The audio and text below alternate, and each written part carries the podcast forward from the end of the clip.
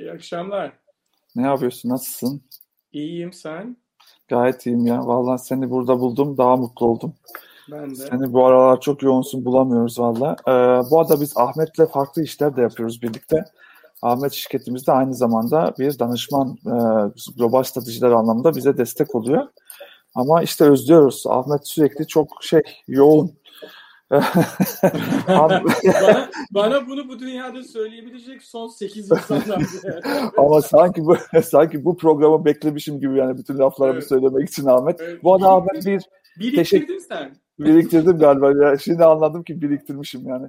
E, bu arada Ahmet küçük bir teşekkürde bulunmak istiyorum. E, önce e, öyle başlayayım. Sonra sen giriş yaparsın. Bu bu arada Speaker Agency'nin bir şeyi e, programı. E, Inspiring Channel'daki meselenin 200'ü canlı yayın programımızın da bu 23. E, bölümü. 23. bölümde benle sen varız. Ama bu yayınlara katkıda e, bulunan, bunu aslında sağlayan, altyapısını sağlayan bir e, e, dijital pazarlama iletişim partneri var Speaker Agency'nin.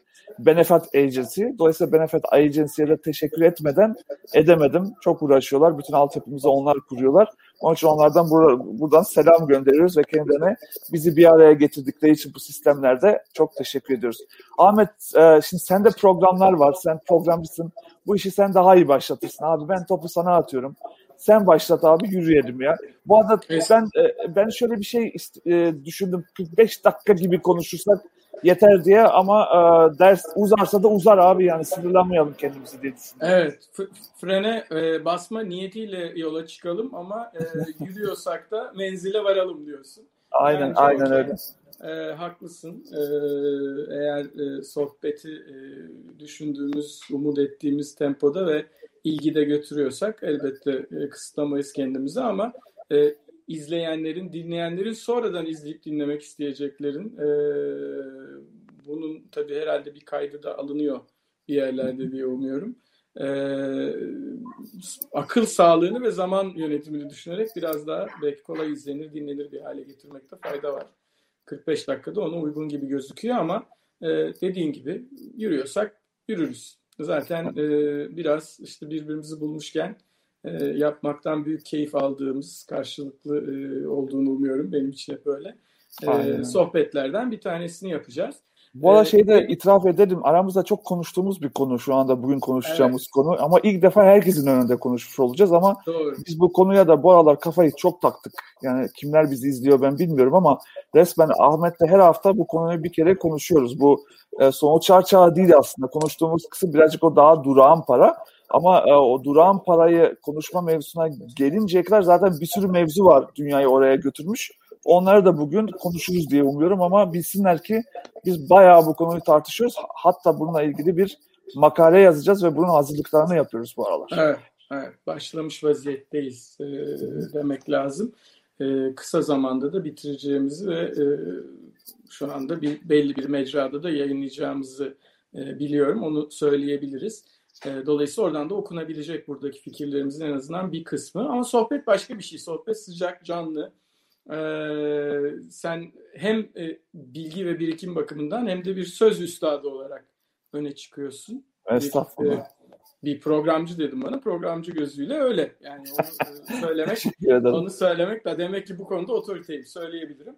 O yüzden e, sana e, bu e, noktada ilk olarak şunu sormak istiyorum. Sen e, Türkiye'nin e, şimdi ben söyleyince garip olacak ama e, hakikaten bu işleri çok derinine araştıran e, insanlarından bir tanesisin. E, aramızdaki bağlantıyı söylediğin için artık e, ne denir o hukuki reddiye yayınlamaya şey yok, uyarı yayınlamaya gerek yok. Ama ben yakından biliyorum yaptığın, yaptığın, yaptığımız işleri. Bu işlerin sana getirdiği büyük bir avantaj var e, o avantajda e, çok büyük bir veri havuzuna senin erişimin var Hakan. Ve bu büyük veri havuzu üzerinden biz zaman zaman seninle tartışıyoruz ama bunları tabii e, en derinine gören, e, o içgörüleri en e, derinden okuyabilen insanlardan bir tanesi. Hatta zannediyorum bir ara seni astrolog falan zannettiler değil mi? Evet evet linç de ettiler beni yani medyum zannettiler, astrolog İçgörü zannettiler. İçgörü uzmanı dendi diye. İçgörü uzmanı dendi diye öyle de kaldı vallahi yani. Ya bu aralar bu arada onlar para kazanıyorlar onun için çok da fena gitmiyor yani. evet Mars Retrosu'ndayız. geceleri geceleri retrolar metrolar. Arayan soran olursa cevap veriyorum abi. Hiç şey reddetmiyorum. Retro, metro giriyorum oralarda. Tamamdır. Şimdi o zaman Mars Retrosu'nu da işin içerisine katarak e, bize şunları anlatır mısın Hakan? Biz bu e, sonuçlar çağı ve durağan parayı konuşacağız. E, ve bu sonuçlar çağı ve durağan paraya bizi getiren bir takım koşullar var. Bunların bir geçmişi var. E, ve bu geçmiş işte önce 2008-2009 kriz, arkasından 2019 Türkiye ve dünya e, tekrar Covid, e, sonra Covid ve Covid'i yaşarken e, içinden geçtiklerimiz Şimdi de e, bir post-Covid, Covid sonrası dünyaya bakış. E, böyle e, bir kronoloji çizersen, o kronolojinin içinde bizler nerede duruyoruz? Dünyada ve Türkiye'de insanların e, eskilerin tabiriyle halet ruhiyesi, e, plaza Türkçesiyle modu nasıl? E, nasıl e, gidiyor bu e, dünyaya bakışımız. Özellikle de tabii burada ekonomik parametreler ve güven bakımından soruyorum. Evet. Çünkü o da iktisadı taşıyan, ekonomiyi taşıyan unsur. Aynen. E, Valla bu arada şey e, şimdi bu bugün konuşacağımız o durağan para meseleleri bu sonuçlar çağı tabii ki ne Covid ile başladı ne de Türkiye'nin ekonomik krizleriyle çünkü bazı şeyler gerçekten Türkiye özel ama unutmamak gerekiyor. ABD'nin de bir krizi vardı ve ABD neredeyse 11 yıl boyunca para bastı. Yani Dolayısıyla e, para basma konusunda, desteksiz para basma konusunda ABD'nin kimse eline su dökemez. O bilirsin o şey dönemleri, too big to fail dönemleri. Bankalar işte Lehman Brothers'ların battığı, işte otomotiv sektörünün zora girdiği dönem ama e, Hemen bir rakam bir... vereyim mi? Hemen bir Tabii, rakam lütfen. vereyim mi? Lütfen ver, ee, lütfen ver. O, o, o dönemde 2007'ye girdiğimiz zaman e, Amerikan e, Federal e, Bankası yani Fed Merkez Bankası bizdeki karşılığı bankanın bilanço büyüklüğü e, yaklaşık yaklaşık 800 milyon dolardı. Hatta bundan biraz daha kısaydı. Senin bahsettiğin bu 2009 krizine e, vurduğu zaman işler, Lehman'ın kurtarılışı şu bu falan derken 4 trilyon dolara çıktı bu. 800 evet. milyar dolardan 4 trilyon dolara çıktı. Şimdi e, almış başını gidiyor. Bir ikiyle daha katlamışlar durumda. Aynen. Ve şöyle bugün konuşacağız. Zaten e, tahminen de şu anda ABD'nin sadece Covid sırasında 7 trilyon dolara yakın bir parayı enjekte etti ekonomisine. Zaten kesin ve net. Ama bütün dünyada bunu yapıyor. Ama bizim haleti ruhiyemizi anlamak için bizim 2018 yılına gitmemiz gerekiyor. Aslında şimdi bakma Ahmet yani asıl bizde ekonomik kriz 2014 yılında başladı. Ama son tüketiciye inmemişti son tüketici iniş e, yılı asıl yılı 2018 oldu. 2018'den sonra bizim haleti ruhiyemiz derinden etkilenmeye başladı. Onun için şimdi 2018'den başlayacağım ama bu demek değil ki bizdeki ekonomik kriz 2018'de başladı. Bizim bütün datalarımız 2014 yılından beri her şey aşağı doğru inmeye başladı. Ama haleti ruh konuşacaksak 2018'dir. E, 2019'da zaten peak ekonomik kriz zaten 2020'de zaten Covid. Peki ne oldu? E, 2018 itibariyle. Yani şunu mu şunu mu söylüyorsun Hakan?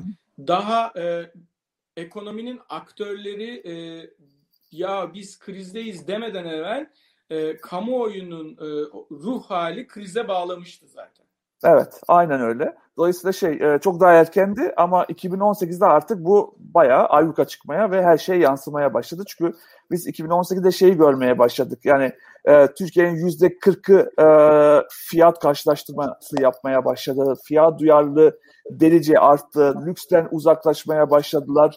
E, stoklama başladı. Mesela e, hatırlıyorum 2018 yılının Eylül ayı itibariyle yavaş yavaş hanelerde stoklama hareketleri başladı. Yani fiyatlar artar ama neme lazım ve birazcık e, gıda stok yüklemeye başladılar. E, şeyler başladı. Daha küçük gramajlar, daha küçük paketlerde artışlar görmeye başladık.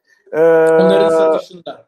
Aynen, aynen. Dolayısıyla şey ürünlerin daha küçük paketlerine doğru gitmeye başladığını gördük tüketicinin. Ee, mesela sadakatın azaldığını gördük. Repertuarını daha farklı markalara bakmaya başladılar.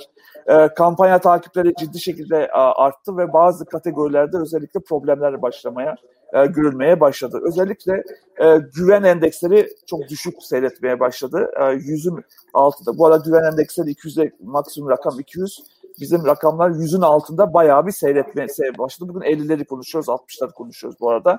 Dolayısıyla şeyle birlikte tüketici 2018 yılı itibariyle ciddi şekilde kendisini güvende hissetmemeye başladı. Hatta şunu da gördük. 2018 yılından e, sonra özellikle 2019 yılında marka değerleri e, zayıflamaya, e, mağazacılıkta alışverişçi değerleri artmaya başladı. Bu ne demek?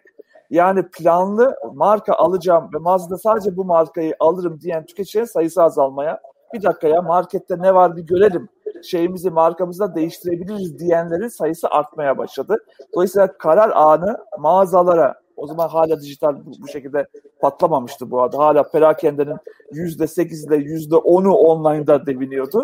10 bile yoktu. %6 ile %8 düzeltiyorum pardon. E, toplam satışın perakendedeki e, şey online'dan gelen parası %6 ile %8'di. Dolayısıyla hala her şey mağazada e, dönüyordu ve bir anda baktık ki mağazada karar veren tüketicilerin sayısı ciddi şekilde artmaya başladı. Özellikle sinerji arıyordu e, e, tüketici. Yani iki tane ürünü bir araya getirsinler işte bilmem e, bundle'lar yapsınlar. Şu ürünü şu ürünü birlikte satsınlar demeye başladı tüketici. Ve biz de dedik ki ha tamam ekonomik kriz artık son tüketicinin hayatına indi. Biz e, zannediyorduk ki ekonomik krizle uğraşacağız. Bütün danışmanlıklarımız, bütün yönlendirmemiz markalara buna yönelikti. Ta ki 2020 yılı gelinceye kadar. 2020 yılı belirle birlikte Covid gündeme girdi. Şimdi şunu görmek lazım Ahmet. Biz e, dünya ile karşılaştırmalı olarak mesela bütün dünya Covid'den çok çekti. Burası kesin ama biz daha çok çektik. Çünkü bize onlar Covid ile uğraşırken bizim Covid bize Covid ekonomik krizimizin üstüne geldi. Dolayısıyla biz ben, ben şeyi hatırlıyorum. Gene e, bizim e, yaptığımız araştırmaları e, hatırlıyorum. Senin yönettiğin. E, 2019 sonunda biz markalara e, tüketicinin %50'sinden biraz fazlasının 2020'nin 2019'dan daha kötü geçeceğini düşündüğünü söylüyorduk. Araştırma sonuçları onu gösteriyordu. Daha ortada Covid falan yoktu. Hiçbir şey yoktu. Covid Değil hiçbirimizin mi? ne planında vardı ne programında vardı. Hiçbirimiz böyle bir şey asla öngörmüyorduk. Ve 2020 gelince Mart ayı... Ama buna rağmen tü- tüketicide e, bir sonraki sene için zaten akümüle olmuş bir panik vardı. Zaten vardı. Zaten evet durum zaten hiç iyi değildi. Üzerine de Covid geldi. Peki Covid gelince ne oldu? Aslında şimdi yavaş yavaş e, haleti ruhiyemize doğru geleceğim. Yani dünya imalat endeksleri kırıldı. Sanayi imalat endeksleri kırıldı. Ama çok enteresan Ahmet biz Türkiye'den bahsediyorum. Covid'i ilk dönemde çok iyi yönetiyormuşuz gibi bir algı oluştu. Şimdi artık algı diyorum çünkü bugün duruma baktığımızda çok da iyi yönetemediğimiz ortada. Ama bu çok gerçekten e, Türkiye'yi bir e, rahatlattı. Özellikle çünkü işte o aralar İspanya, İtalya, Fransa'da olup bitenler ve Türkiye bunu yönetebiliyor ya. Ya hatırlarsa o zaman Mevla, Mevlana'nın sözleriyle İngiltere'ye maske gönderiyorduk. Yani dolayısıyla bu dolayısıyla dolayısıyla bu e, çok ciddi şekilde kontrol ve güç duygusuna taşıdı halkımız. Çok enteresan bir duruma girdik ve şey dedik bir savaş var ve biz bu cephedeyiz ve yeneceğiz seni Covid dedik. Ve bu inanılmaz bir özgüven getirdi Türkiye'ye ve Türkiye ilk defa dünyaya e, şey dersi veriyordu. Bir e, pandemiyle nasıl mücadele edilir dersi veriyordu. Hatta tüketicilerle konuşurken e, çok gurur vardı. Bak bütün dünyaya ne kadar püripak ve temiz olduğumuzu, temizliğe ne kadar önem verdiğimizi sanki bu pandemi temizliğe bakarmış gibi böyle bir gurur duyuyorduk. Ve biz oradan e, kolonyanın yeniden keşfi dönemini söylüyorsun. E, çok ya haberler yaptırdık ya. Bakma sen işte e, Financial Times'lara bilmem nelere işte Türkiye kolonya ile savaşıyor diye. E, ama ama öyleydi bu arada çok şey anlamında. Öyle film de yok muydu o kolonya? Ay vallahi çok güzel. Ama gerçekten ya dünyaya bir ders vermek gerçekten hoş bir duyguydu. Hepimiz böyle gurur duyuyorduk. Mesela çünkü datayı takip ediyoruz, görüyoruz. Yani kazanıyoruz diyorlar bu savaşı ve herkes Haziran'da açılmayı bekliyor. Geçen senede bahsediyorum. Ve abi Haziran'da açıldık ya. Açılınca o pik etti o özgüven. Ve patladık. Sonra abi 2021 yılına geldiğimiz noktada abi şimdi o özgüven, o güç, kontrol bizde, cephedeyiz, bu işte birlikteyiz, beraber savaşıyoruzun üstünü tamamıyla çizdik abi. Ve biz şu anda e, e, duygularımızı anlatacak olursam delicesine bir anksiyete içindeyiz. Onu bir kere söyleyeyim. Ee, zaten her zaman anksiyete içindeydik. Zaten Türkiye'nin datalarında hep söylüyorum. E, Sağlık Bakanlığı'nın datalarına göre 9 milyon kişi e, zaten şu anda psikolojik destek alıyor. Bu resmi rakam. E, ve anksiyete duygusunu hep söylüyorum. Anksiyete duygusu e, şöyle bir duygudur. Bir şeyden korkarsın ama neyden korktuğunu bilmezsin. Paralize olursun. Türkiye şu an tamamıyla paralize. Hatta yani ya şöyle söyleyeyim, demoralize de etmek istemiyorum kimseyi ama benim tahminim bu rakamlar e, özellikle e, Covid'in bitiminden sonra ki ben aşılamanın hızlı yapılacağını ve biz Eylül, Ekim gibi artık yavaş yavaş normalleşmeye gireceğimize inanıyorum ama asıl normalleşmeyi ise şey gibi algılamayalım. Ruhsal sağlığımızla normalleşecek demeyelim. Kuvvetli ihtimal daha kötü bir döneme gireceğiz Ahmet. Çünkü şu anda bütün duygularımızı ve kendimize dönmeyi ve başımıza ne geldi sorusunu sormayı reddediyoruz öteliyoruz şu anda. Ama e, bu iş bittiği zaman döneceğiz. Ve ben bana ne oldu sorusunu soracağız. O zaman benim tahminim bu 9 milyona 1-2 milyon kişi daha eklenecek. E, dolayısıyla haleti ruhiyemiz hiç iyi değil. İkinci mevzu da hep bunu söylüyorum. E, çok çocuklaştık Ahmet biz bu süreçte. Yani şu anda koca ülke yetişkinliği kaldıramıyor. Yetişkinlerimiz yetişkin olmak istemiyorlar. Herkes bir geçmişte yaşamak istiyor. Herkes, hepimiz şöyle, bizim yaşımızdan bahsediyorum, 40 yaşları. Toplumsal hepimiz, davranış modelimiz bakımından söylüyorsun. Evet, aynen. Çok 90'ları fazla övüyoruz, geçmişte yaşamak istiyoruz. Oysa ki e, önümüze bakmamız lazım ve gelecek konuşuyor olmamız lazım. Geleceği konuşabilmek için önce bugüne gelmemiz lazım ve biz şu anda koca bir millet bugüne gelmeyi reddediyor. Yani regresif davranış gösteriyoruz. Bunu ne yapacağımızı bilmiyoruz. Bir de aşırı derecede empati açlığı artmış gibi görünüyor Ahmet. E, bu biraz korkutucu bir durum. Herkes diyor ki e, bana empati gösterilsin, bana empati gösterilin diyor. Bu çok yani e, yani nasıl söyleyeyim kötü bir şey be Ahmet. Yani hı hı. kesinlikle kötü bir şey çünkü e, hep işte buradan şeyde e, Bekir'i de analım konuda biliyorsun hayat evet. tarzlarında 9 tane hayat tarzı var. 9'u da diyor ki beni geri kalan 8 tanesi anlamıyor. Ya bize ne oluyor? Yani e, hiç kimse kendisinin anlaşıldığını düşünmüyor. Herkes empati gösterilmediğini düşünüyor. Peki biz burada ne yapacağız? Şimdi bunların hepsini topladığımızda ya Covid geçer. Covid ne ki? Yani biter pandemi sonuçta biter bu. Bugünlerde bir gün geçer ama bu Covid'in bu ekonomik kriz üstüne e, yönetemediğimiz bu Covid'in aslında temelde bizim ruh sağlığımıza ne yapacağı noktasını hiçbirimiz tam olarak şu arada öngöremiyoruz. Bunu da açıkça söylemek lazım. Ama birazcık bugünümüzden bir tık daha kötü bir dönem yaşayacağımız ama sonra da onu da atlatacağımızı açıkçası düşünüyorum. Evet ben de e, makroda öyle olacağına inanıyorum. E, ama bu arada e, gene e, bütün baktığımız rakamlardan biliyoruz ki tüketici güveni e, hiç e, iyi bir yerde değil. E, tüketim davranışına ilişkin e, şu günkü en azından haleti ruhiye e, hiç e, pozitif değil. E, ama bir takım kıpım, kımıldanmalar var. E, sadece Türkiye değil, dünya da aslında bütün bunların içerisinden geçiyor Hakan. E, dünya sistemi de büyük bir krizin içinden geçerken e, Covid krizine yakalandı. Bugüne kadar e, dünyanın parasal düzeni defaten değişti. Ama biz e, İkinci Dünya Savaşı'nın sonundan beri Evet, Bretton Woods sistemini koymuşlardı İkinci Dünya Savaşı'nın sonunda. Ee, bir ons altın 35 dolardı ve Amerikan Merkez Bankası elinin altındaki altın miktarı kadar para basmak suretiyle e, dünyanın e, bu manada kontrolünü gerçekleştiriyordu. E, Amerika bu arada doları da tabii tekel niteliği kazanıyordu. O dolar için güçlü bir pozisyondu fakat doları zorluyordu. Yani ABD'yi çok güçlü kılıyordu bu konumu. Ama doların e, bu konumu aynı zamanda Amerika'nın kendi yerel ekonomisini, ülke içi ekonomisini e, yönetirken dış ticaretle kurduğu ilişki ve dünyadaki dolar talebi nedeniyle e, en sonunda e, ciddi bir takım finansman açıklarıyla karşılaşmasına, bütçe açıklarıyla karşılaşmasına ve yüksek enflasyonla e, bu arada e, karşılaşır bir duruma doğru evrilmesine neden oldu.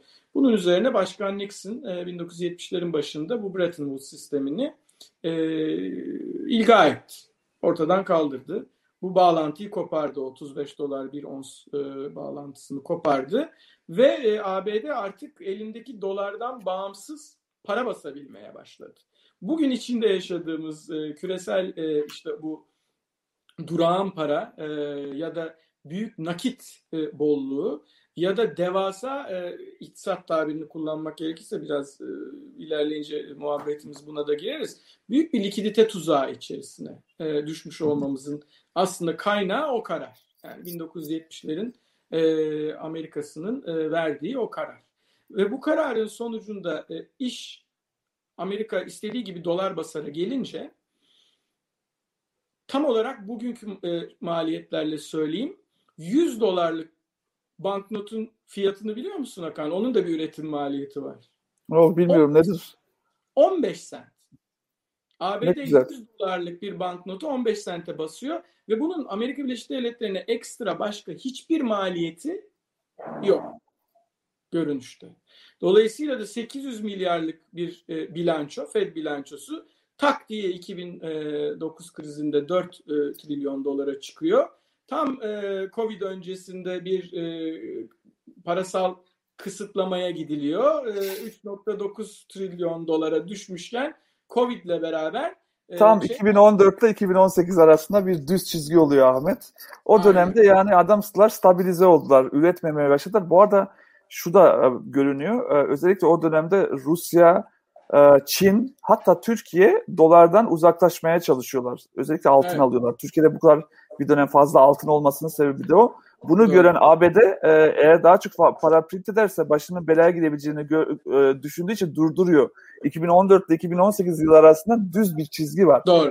Stabilize oluyor her şey. Sonra zaten ve hatta COVID. kısıtlama işte e, başlıyor evet. 2019'la beraber. Dediğim gibi bu biraz 4 trilyondan biraz daha şişik Fed bilançosu 3.9'lara falan e, iniyor ama e, Covid e, vurduğu zaman başka çare kalmadı. Şimdi bugünkü durumu söyleyeyim sana. Enteresan veriler var orada. Tarihte ilk defa bak bilinen merkez bankacılığı tarihinde ilk defa kan dünya merkez bankalarının yüzde 60'ından fazlası ve gelişmiş ekonomi merkez bankalarının yüzde 97'si yüzde birin altında faiz veriyor. Dünyanın beşte birinde faizler negatif. Ve Japonya. elimizin altında evet ve Japonya'da çok uzun zamandır çünkü Japonya çok uzun zamandır o likidite tuzağının içerisinde. Para bol ama bu para e, beklenilen etkiyi yaratmıyor. Öyle kötü ki şimdi öyle kötü kinin arkasından söylediğim belki e, bir, bir kısım e, ekonomiye yabancı olanlara garip gelecek. Öyle kötü ki enflasyon yok ortada. Bu temaya da döneceğiz e, günün sonunda. E, ve para politikalarının etkileri sıfırlanmış vaziyette. Yani biz böyle adeta Alfred Hitchcock'un bir e, lafı var e, filmleriyle ilgili söylediği. Ben diyor bir filmimde bir sahneyi çekerken mesela iki insan bir restoranda otururlar yemek yiyorlar. O yemek sırasında seyirciye masanın altında bir bomba olduğunu gösteririm. Fakat o bombayı son ana kadar patlatmam. Çünkü herkes bombanın olduğunu bilir. Patladı patlayacak, patladı patlayacak. Bütün seyirci işte senin söylediğin o anksiyetenin içerisinde bir heyecan fırtınası içerisinde ne olacağını bekler. Bugün de dünya bir likit dağının üstünde oturuyor. Adeta o bombanın üzerinde e, yemek yenmesi gibi. E, ve e, o likit dağının ne yapılacağına dair kimsenin hiçbir e, fikri yok. Var olan... Ahmet Hocam o zaman bana şey de e, bunu anlatırken şunu da anlatsan çünkü anlattığın her şey neoliberalizmin bize 50 yıldır öğrettiği her şeyin tersinde bir yerde. Yani bize hep böyle öğrettiler ya daha çok likidite, daha çok para, daha çok kar, daha çok e, etkinlik, daha çok iş fırsatları, daha iyi ekonomi. Ama şu anda çok çok para ama fırsat yok ortalıkta. E bu bizi nereye götürecek? Orayı da birazcık aç, açabilir misin? Bir de bir de şeyi de bir de şeyi de anlatabilir misin abi? Yani Türkiye bu kadar likidite varken ya Türkiye niye alamıyor bu paralar? Hmm. Niçin Türkiye bundan hiç yararlanamıyor şu anda? Evet. Evet orası orası gerçekten ilginç bir e, noktası bütün bu işin. Fakat önce ilk söylediğine cevap vereyim. E, bu neoliberalizmin yarattığı en büyük dönüşüm e, özellikle 1960'lar sonrasında gene Amerika kaynaklı. Çünkü para orada olduğu için orada olup biten önemli oluyor. Yani keyfimizden değil ama izlemek zorundayız e, orayı. Hele e, hele son 50 yıllık iktisat tarihine bak baktığı zaman dünya ekonomisinin yarısını bir ara temsil ediyor e, Amerikan ekonomisi. Şimdi oradan e, geldiğimiz zaman o yarısını temsil ettiği zaman Amerika'da e, büyük şirketler var. Bu e, muhakkak kötü bir şey değil e, bu arada. Yani kartel davranışı sergiledikleri zaman e, belli zararları var ama bu büyük şirketler kar odaklı e, davranıyorlar. E, kar odaklı davranıyorlar ama kar odaklı davranmak için şirketleri şirket yöneticileri yönettiği için öncelikle üretim, inovasyon vesaire gibi e, konuları e, düşünüyorlar. Fakat ne zaman ki bu neoliberalizmin e, zaten e, ortaya çıkışı ve e, bütün meseleye hakim oluşu böyle oluyor. Ne zaman ki finansal kuruluşlar sahip oldukları parayla bu büyük şirketlerin hissedarı konumuna gelmeye başlıyorlar.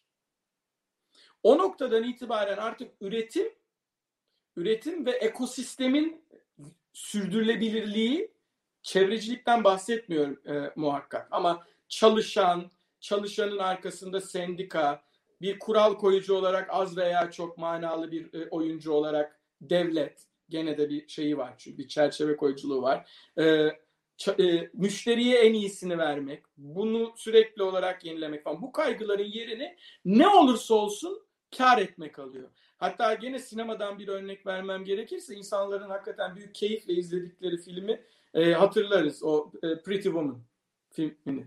Orada e, Julia Roberts e, bir e, e prenses e, modeliydi belki.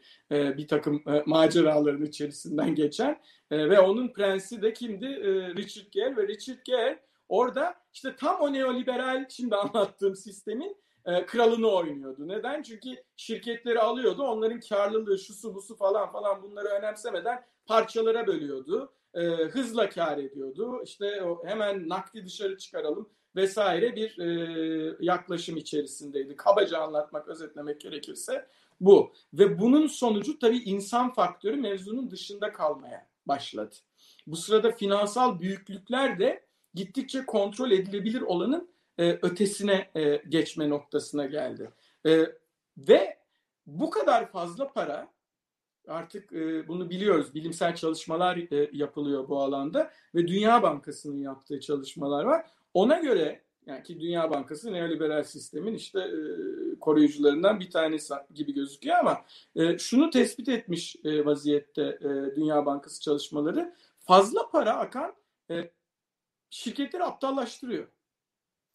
Bu arada bütün o raporlarda da e, bu aptallığın sonucunda da, da yeni bir balon oluşacak konusunu da ikimiz de okuyoruz zaten. Evet. O aptallaşmanın sonucunda da dünyada ne kadar gerekli gereksiz yanlış şirket varsa hepsi satın alınacak. Bunu söylüyor Aynen. bütün raporlar. Aynen. Bu bu bu aptallaşma üstelik yani gayet somut bir şekilde yansıyor e, firmaların davranışına.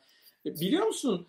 Özellikle e, fazla parası, fazla nakdi olan firmalar inovasyondan uzaklaşıyorlar.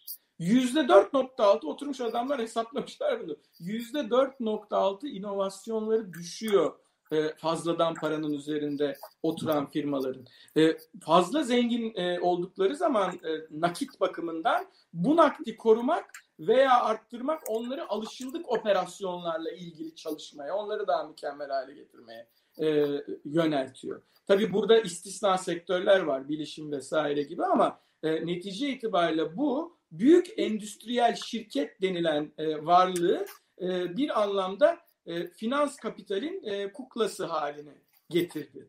E, bunların her ikisi de kapitalizmin araçları belki ama netice itibariyle ikisinin arasında eşitsizlik yaratmak bakımından ciddi sıkıntı var. Birkaç rakam da istersen oradan e, vereyim bak. Dünyada var ya 2755 tane sadece 2755 yani bir spor salonundan e, da bir, bir türbünü dolduracak kadar adette e, dolar milyarları var.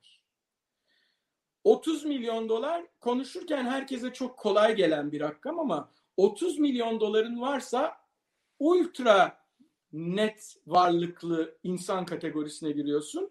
30 milyon dolar ve bundan daha fazla parası olan yaklaşık 520 bin insan var. 1 milyon dolar ya ne ki o orada bir ev falan İstanbul'da diye düşünenler olabilir. 1 milyon dolardan daha fazla parası olan insan sayısı 51 milyon bütün dünyada. 8 milyar insanın sadece 51 milyonunda var bu para. Bütün bunları topladığımız zaman Akan eşitsizlik burada işte gösteriyor kendini. Dünya nüfusunun yüzde 0,75'i bu paralarla ilişki kuruyor. Kalanı da televizyondan o paralarla neler yapılıyor diye seyrediyorlar. Bu da biri yer biri bakar kıyamet ondan kopar e, deyimini bana doğrusu ya hatırladı. O zaman, o zaman şunu mu diyoruz abi? E, neoliberalizm bize e, daha çok e, kar ve nakit üretirsen dünyada daha çok mutluluk olur. Matematiği dünyanın en büyük yalanı olarak önümüze çıkmış gibi görünüyor. Aynen, aynen öyle. Çünkü Hiçbir yere arada, yayılmış bir şey yok şu anda. Aynen. Yani. Bu arada bu 0,75 rakamın terazinin bir kefesinde duruyor ya. Terazinin öbür kefesinde duran rakam %10, 800 milyon insan. Kim bu 800 milyon insan? Açlık sınırının altında yaşayan 800 milyon insan. Arada da sıkışmış de ama bunlar anxiety yaşamıyorlar. Yani bunların bir kısmını anxiety yaşamak için aşmış vaziyette. Evet, onlar hayat, evet. de anxiety yaşayacak halleri yok. Onlar Yok, ona hayatta kalmaya çalışıyor zaten. Onlar nabız ölçüyorlar. Ölmemeye ama, çalışıyor. Ama dünya nüfusunun ortada kalan yüzde 89'u var ya yukarıya erişmek için, aşağıya düşmemek için, olduğu yeri korumak için zaman içerisinde süreklilik arz eden bir anxiety krizi içerisinde. Peki insanlar böyle akan şirketler farklı mı? Şirketler de farklı değil. Hem de şirketler arasındaki eşitsizlik insanlar arasındaki eşitsizliği yansıtan bir yapı içerisinde bugün. Bugün e, bugün itibariyle Standard Poor's yani Amerikan e, endüstriyel şirketlerinin de ağırlıklı olarak bulunduğu borsa endeksinde en üstte yer alan 5 tane şirket. Apple bir tanesi. Onu herkes biliyor. Elimizdeki telefon. Alfabet onu herkes bilmeyebilir. Alfabet Google demek. Ee, Microsoft, Amazon ve Facebook. Bunlar ellerindeki nakit bakımından ki bu bizim tartışmamız açısından çok önemli. E, çılgın bir yerde duruyorlar. İlk 15 şirket ise, yani bunların elindekileri söyleyeceğim şimdi dudak uçuklatıcı rakamlar çünkü. İlk 15 şirket var ya, ilk 15 şirket bütün Amerikan borsasında var olan o en büyük 500, en büyük 500 diyorum bak en küçük falan değil ya da ortalama da değil. En büyük 500 şirketin içinde yer aldığı endekste cepte bulunan şirketlerin elinde bulunan nakdin yüzde 40'ını tek başlarına kontrol ediyorlar. Apple'ın elinde var 195 milyar dolar. Alphabet'in elinde, Google'ın elinde var 157 milyar dolar. Microsoft'un elinde var 135 milyar milyar dolar. Milyar dolar. Amazon'un elinde var 90 milyar dolar. Facebook'un elinde var 68.2 milyar dolar. Bu ne demek biliyor musun? Bunların tamamını topladığın zaman ortaya çıkan para dünyada alt alta gayri safi yurt içi hasılalarına göre e, memleketleri sıraladığında toplam para ilk 20 hariç herkesin gayri safi yurt içi hasılasından büyük. En üstteki 20 ülke, o G20 denilen ülkelerin gayri safi yurt içi hasılaları sadece bu paranın toplamından daha fazla. Bir ülkenin bir senede ürettikleri. Eğer bütün parayı toplarsan oradaki 157 tane ülkenin elindeki varlık sadece Apple'ın elindekinin altında. Elinde tuttuğu nakit ve geçen sene o nakdi eritmek için kendi hisselerini almaya harcadığı 81 milyar doların ikisini toplarsan dünyadaki 157 tane ülkenin ürettiği bir senelik gayri safi yurt içi hasıla rakamı Apple'ın elindeki nakitten daha az. Bu büyük bir problem. Çünkü bu para aşağı inmiyor. Verimlilik artıyor. Biz karanlık... Bu para dünyayı düzeltmiyor. Yani net bir şekilde Hayır. düzeltmiyor. Elde, kendi kendini satın al, al, alma durumuna kal, geldiler. Çünkü tabii, tabii. Evet, bu parayı götürebilecekleri bir yer de kalmadı. Çünkü o kadar dünyayı tükettiler ki artık dünya onlara bununla ilgili bir fırsat da vermiyor ama şimdi buradan Türkiye'ye girelim abi. Çünkü ben şöyle bir açılış yapayım. Türkiye'de Türkiye'de evet. sıcak paraya çok ihtiyaç var. Onu net söyleyeyim. Evet. Öyle kendi kendimize yeteriz biz bize e, yeteriz gibi muhabbetler hikaye. E, Türkiye'nin çünkü e, ben şimdi Türkiye'deki bazı büyük değişimlerle ilgili bir birazcık bilgi vereyim. Sen oradan bu para niye Türkiye'ye gelmiş? Çünkü niye Türkiye'ye ihtiyacımız var? Şimdi temelde bu arada birazcık sesim, sesim yankılanıyor. Sen belki de mikrofonunu kapatırsın abi. Ee, çok e, hızlı şekilde bir kere kentleşiyoruz. Ee, ve e, kötü kentleşiyoruz.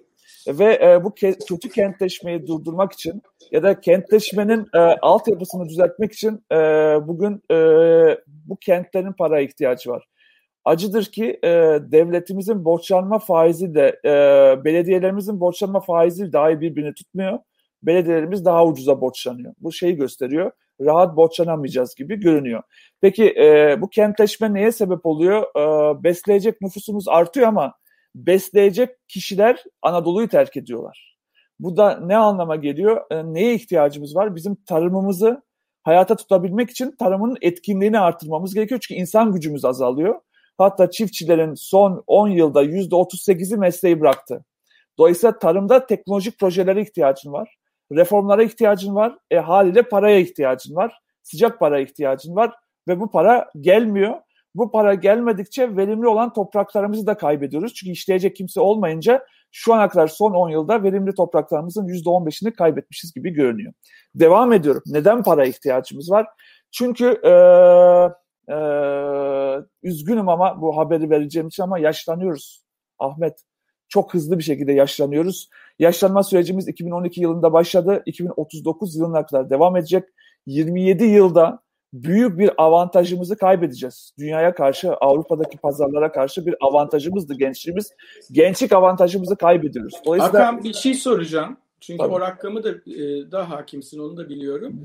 E, bu endüstriyel bakımdan gelişmiş ülkelerde bu yaşlanma süreci e, ne kadar sürdü? Bizde ne kadar sürdü? Ya e, iki tane örnek vereyim. E, Fransa 115 yılda yaşlandı ya da e, İsveç 85 yılda yaşlandı. Biz 27 yılda yaşlanacağız. Dolayısıyla yaşlanma sürecin 2039'da tamamlanacak ya. 2039'a kadar ne yaptın yaptın. Hızlı yapman lazım. Çok hızlı yapman lazım. Çünkü büyük bir e, özellikle üretim ve sanayi tarafındaki avantajını kaybetmiş oluyorsun. Yani biz konuşuyoruz Hakan, televizyonlarda. Bu söylediğinin doğrudan sonucunu söyleyeyim mi? Maalesef, biraz biraz da topu atacağım abi sana. Yok maalesef bu, bu söyle, şu söylediğine takındık bir şey söyleyeceğim. Maalesef bu demek ki bizi dinleyen genç insanların hiçbiri emekli olamayacak. Herkes emeklilikte yaşa takıldı demek bu söyledi. Daha evet maalesef bu böyle. E, çünkü şöyle söyleyeyim zaten e, yaşam haklısın yaşam süremiz artıyor. 78 yaşına kadar yaşıyoruz. Ki bu da şey e, dünya ortalamasının üstünde iyi ki yaşıyoruz. Yani ölmeyelim tabii ki. Ama e, abi iyi yaşamıyoruz. 58 yaşına kadar iyi yaşıyoruz. Dolayısıyla hayatımızın son 20 yılını biz kötü geçiriyoruz. Hayatımızın son uzun yaşayan ama hayatını çok iyi yaşayamayan son yıllarını insanların bakıma ihtiyacı olacak. Desteğe ihtiyacı olacak. Bunların hepsi altyapısal reformlar demek. Onun için biz sadece bu reform konusunu işte hukuk bilmem olursa bu böyle olur şöyle olur diyoruz ya bunların hepsi doğru. Ama çok insani ihtiyaçlarımız için bu paraya ihtiyacımız var. Çünkü 2039 yılına kadar her şeyi çözmemiz ve yaş, yaşlı Türkiye'ye bir şeyleri çözmüş olarak girmemiz gerekiyor. Ama şu anda gidişat hiç öyle değil. Dünya parayla kaynıyor, Türkiye para bulamıyor. Onun için şu anda topu sana atıyorum. Ee, ne yapması lazım Türkiye'nin? Bu paradan birazcık yararlansın diye.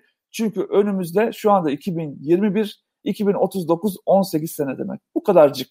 Her şeyimizi çözmek için 18 senemiz var.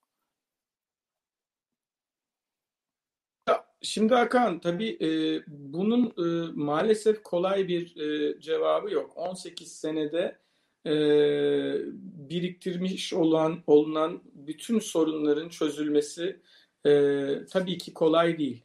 Ama iyi bir haber var. O da şu. Biraz evvel bahsettiğimiz e, o büyük nakit e, dünyanın değişik yerlerinde değişik projeleri finanse etmeye gidecek. Yani alışverişe çıkacak o para. Çünkü pat diye toplanmasına imkan yok. E, birdenbire olmayacak faiz artışları. Dolayısıyla bu para e, kendisine gidecek yer ararken e, Türkiye'ye doğru da gelecektir. Ama bunun ön şartı ne? Bunun ön şartı işte e, herkesin e, sürekli bas bas bağırarak söylediği bir, bir, bir takım uzmanların haklı olarak yapısal reformları e, gerçekleştirmesi. Yani Türkiye'nin hukuk alanında, demokrasi alanında, insan hakları alanında bir takım şeyleri yapması lazım ki güven artsın. sermaye dünyanın en ürkek kuşudur. Yani onu e, bir kere ürkütürsen bir daha gelmesi için e, çok uzun zaman geçer. Hatayı tolere eder ama istikrarsızlığı tolere etmez. Yani 20 hata ve 20 doğru yapacağına 19 tane hata ve bir tane doğru yap. Onu bir hata bir doğru frekansında yapmaktan çok daha iyidir. Türkiye'nin bir kere bundan e, çıkması lazım. Bu, bu güven volatilitesinden çıkması lazım ve o yapısal reformları gerçekleştirmesi lazım. İkincisi eğitim sistemini baştan sona reforme etmek mecburiyetinde. Üstelik bu reformasyonu yaşam boyu eğitim e, mantalitesi altında yapmak zorunda. Çünkü bugün mezun olan öğrenciler, üniversiteden mezun olan öğrenciler e, İşe nasıl başlarlar bilmiyorum. Ya çalışma hayatına nasıl başlarlar bilmiyorum. O da bir önemli problem malum. Genç işsizliğinde e, dünya şampiyonluğunu oynayacağız neredeyse. Üniversite mezunu genç işsizliğinde hakikaten vahim bir e, durumdayız. E, ama bunları bir yana bırak. O bu çocuklar iş bulduklarında bu arkadaşlarımız o başladıkları işte ve hatta o meslekte bitiremeyecekler yaşamlarını. Dolayısıyla bizim hem eğitim sistemimizi bu ileride tekrar ve tekrar mesleki eğitime girmesi gerekecek olan, yetkinliklerini dönüştürmesi ve geliştirmesi gerekecek, gerekecek olan insanları buna hazır yetiştirmemiz lazım. Hem de bu insanların o ileride ihtiyaç zuhur ettiğinde tekrar eğitilebileceği şekilde eğitim sistemini de e, doğrusu ya yapılandırmış olmamız lazım. Öyle olursa bu para Türkiye'ye geldiğinde biz ayrıca ikinci sorunu aşabiliriz. Yani birinci sorun getirmek ama ikinci sorun daha önemli. Biz eğer bir takım e, çılgın ama garip manasında çılgın projeleri finanse etmek için kullanırsak bu parayı çünkü bir kısmı dediğin gibi irrasyonel davranacak. Dedik ya fazla para şirketleri fonları aptallaştırabiliyor.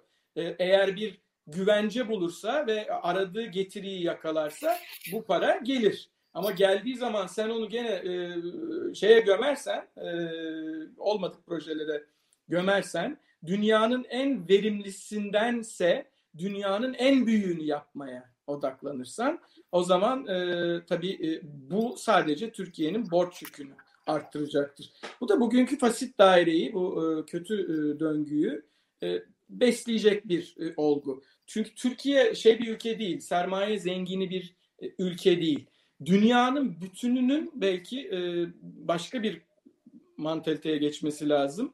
Son bölümde biraz onu konuşuruz diye düşünüyorum. E, ama Türkiye'nin hızla kendini dönüştürmesi gerekiyor. Çünkü Türkiye'nin dış kaynağa ihtiyacı var. Şimdi bu büyük nakitten bahsediyoruz ya. Bu büyük nakitle ilgili şöyle bir e, mesele de var. Bu dünyanın başka yerlerinde tasarrufa dönüyor. İşte bak şirketler 198 milyar doların üstünde oturuyor işte Apple. Ama 198 milyar doların üstünde oturan Apple'ı bir yana bırakırsan Türkiye'de tasarruf yok değil. Hep eksiğinden bahsederiz. E, elbette o düzeylerde değil e, Türkiye'nin tasarrufu ama Türkiye'de 3 tane e, çok da böyle e, klasik kabul edemeyeceğimiz türde tasarruf var. Bankadaki mevduatın dışında o krediye dönüyor tasarrufun olması değil krediye dönmesi zira önemli. Bankadaki mevduat krediye döner, ekonomide verimlilik yaratır, büyüme yaratır. Bundan refah çıkar. Bu verimlilikten insanlar az veya çok pay alırlar. Bunların bunun daha fazla olmasını sağlamak elbette sistemin görevi. Sistemin öyle kurgulanmış olması lazım. Ama bunun ötesinde Türkiye'de üç tane tasarruf kalemi var Hakan. Yastık altı bir, iki belli bir refahın üstündekilere ait yurt dışı varlıklar. Üç, gay gayrimenkul. Ve üç gayrimenkul aynen. Bunların hiçbir tanesi tasarruf kalemi olarak ekonomiyi daha verimli bir e, seviyeye taşıyacak olan kredi olmaya dönmüyor. Dönmediği zaman biz sürekli borç almak durumunda kalıyoruz. Biliyor musun 1923'ten 2002 senesine kadar Türkiye dünya piyasalarından net nette yani aldığı, ödediği, tekrar aldığı falan 2001 krizinde de geçirmişti o Türkiye. 129 milyar dolar borca sahip. Son 19 senede bunu aldı 4,5'la katladı neredeyse. Şimdi ve stokladığı, biriktirdiği. Bu tabii büyük bir kur geçişkenliği e, etkisi üzerinden Türkiye'yi ciddi şekilde olumsuz etkiliyor. Her yıl ortalama 32 milyar dolar e, cari açık veren bu ülkede kurun artışı her bir puan artışı diyelim yüzde on nispetinde enflasyona yansıyor. E, kurun artışı enflasyona yansıyınca fiyatlar yukarıya çıkıyor. Fiyatlar yukarıya çıkınca vatandaş fakirleşiyor. Vatandaş fakirleştiği zaman e, tasarrufu ortadan kalkıyor. Yani tasarruf yapabilme imkanı ortadan kalkıyor. Tasarruf yapabilen sisteme güvenmediği için parayı dışarıya çekiyor. Yani çekebilen o da çok küçük evet, bir Ç- çekebilen bütün dünyada 2 milyar insanın banka hesabı yok. Türkiye'de de çok ciddi miktarda. Yüzde 40 non-bankable Türkiye'de. Evet. Sen onu e, rakamı verdin yüzde 40. Yüzde 40. Şimdi bütün bunlar nedeniyle Türkiye'ye bu para gelmiyor. E, ama gelmez mi? Gelir. Esas dikkat edileceği gün bence geldiği gün. Yani onu verimli kullanmaya yönelik bir e, bir, bir refleks geliştirmek. Bunu yapabilirsek eğer o zaman kurtulur e, Türkiye'nin o 18 senesi. Valla yapmak zorundayız. Çünkü e, bu 18 senede bir şeyleri çözmezsek bir şeyleri çözecek genç bulamayacağız bu ülkede. Ben e, Yugoslavya'da doğdum. Sonra Makedonya'da doğdum. Makedonya'da genç yoktur abi. Gerçekten yoktur. Devletin bir şey yapma ihtimali de kalmamıştır. Çünkü hiçbir genç artık orada durmuyor. Toplam ülke şu an 1,5 milyon kişi 600 bin genç dışarıda. Yok. Genç yok ülkede. Yani e, bu işin şakası yok. E, bu kadar e, şeyin üretim kapasiteni kısıtladığın, bu, bu kadar toprağından yararlanamadığın, yani besleyemeyeceğin bir ülkede gençleri tutmak imkansız hale gelir. Onun için sermayeye ve yatırıma ihtiyacın var. Biz bize yetmiyoruz. Öyle bir laf kalabalığı da yapmanın da bir anlamı yok. Şimdi gerçi çok söz verdik 45 dakika ama şu an 48'e geldik. Son konuya girelim Ahmet. Ee, bu kadar kötü giden her şeye, ekonomiye rağmen risk alan insanların sayısı deli gibi arttı. Ee, borsaya yatırım yapanların sayısı 8 katına çıktı. Hiçbir ilgisi olmayan, ekonomiden hiçbir şey anlamayan e, kitleler şu anda borsada halka a, açılış e, projeleri peşinde koşuyorlar. Ee, Sadece ee, borsada değil Akan. En önemlisi de kripto paralar değil. Yani onu da söyleyecektim. Kripto paraya e, yüzlerce milyon dolar kaptırıyorlar. E, halka açılış projelerinde e, en büyük yatırımları hiçbir geleceği olmayan projeler alıyor şu anda Türkiye'de. Ama biz gel şu anda blockchain'i ve kripto parayı birazcık konuşalım. Çünkü para, durağan para konuştuğumuz bir dünyada ve desteksiz e, üretildiği bir dünyada aslında bir taraftan kripto para da desteksiz üretilemediği için bana e, bir taraftan değerli geliyor. Ama e, şöyle e, bir mevzu var ki aslında hepimizin canını sıkan Wall Street ve dünyanın konvansiyonel ekonomileri son sözlerini hiçbir şekilde söylemediler. Dolayısıyla son sözleri ne olacak bilmiyoruz. Ama kripto para aslında doğuştan destekli bir şey ve bu anlamda aslında nakit paradan daha sağlam bir duruşu olduğu kesin. Ama mesela son dönemlerde de baktığımızda Türkiye'de aslında temelde kripto paraya birazcık savaş açmış gibi görünüyor. Ama diğer taraftan da zaten ne kadar dolandırıcı varsa da e, bunun borsa işinde.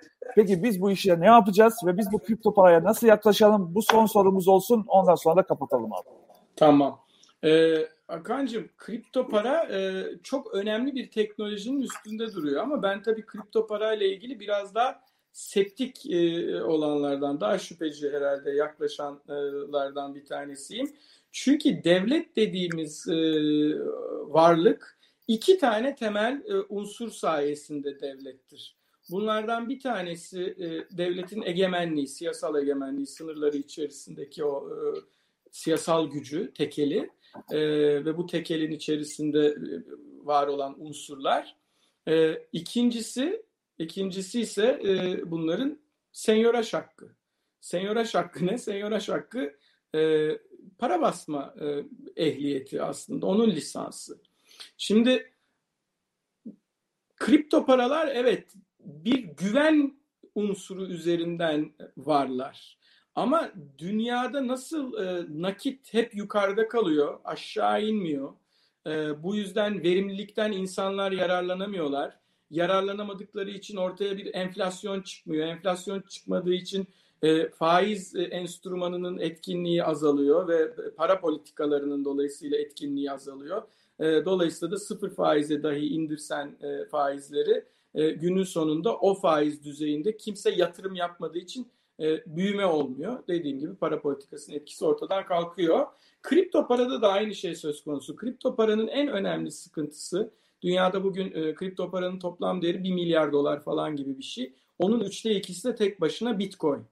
E, ama iki ay evvel, e, iki, iki buçuk ay evvel iki e, e, milyardı bunun şey e, karşılığı. iki trilyondu pardon. Şimdi bu e, yani bu kadar büyük volatilite e, hakikaten e, bana güven vermiyor. İkincisi e, devletler muhakkak bir yerde e, müdahale ediyorlar. Sen biraz evvel e, Türkiye'yi söyledin ama daha büyük ağ babası e, şey örnek e, bu, bu, bu noktada e, Çin. Çin de bu tür ödemelere izin vermiyor. Üçüncü bir şey söyleyeyim. Mesela Elon Musk gibi bir kişi, bir adem çıkıp bir teklif ederek olmadık bir kripto parayı alıp olmadık bir seviyeye taşıyor. Sonra bir laf edip bir başkasının belini kırabiliyor. E, bunu mesela Bill Gates dünyanın en zengin adamı olduğunda Microsoft üzerinden e, Amerikan doları ile ilgili yapabilir miydi? Yapamazdı. Yaparsa bir kere birileri müdahale ederdi. Tam da bu nedenle insanlar dolara güvenir. Kripto parada bunu söylemek mümkün değil. E, ve nihayet tam da şimdi konuştuğumuz probleme çok yakın bir e, havada e, ya da yapıda kripto paranın değeri de yukarıda. Yukarıda derken kıymeti yukarıda manas, manasında söylemiyorum. Kripto paranın sahip olduğu toplam değerin sadece yüzde on üçü aktüel olarak e, değiş tokuşa konu biliyor musun? Evet. Kalan yüzde seksen yedisi insanların elinde ve donuk duruyor. Dolayısıyla bu haliyle Soğuk para bir şekilde. Ziyade değer saklama aracı kripto para.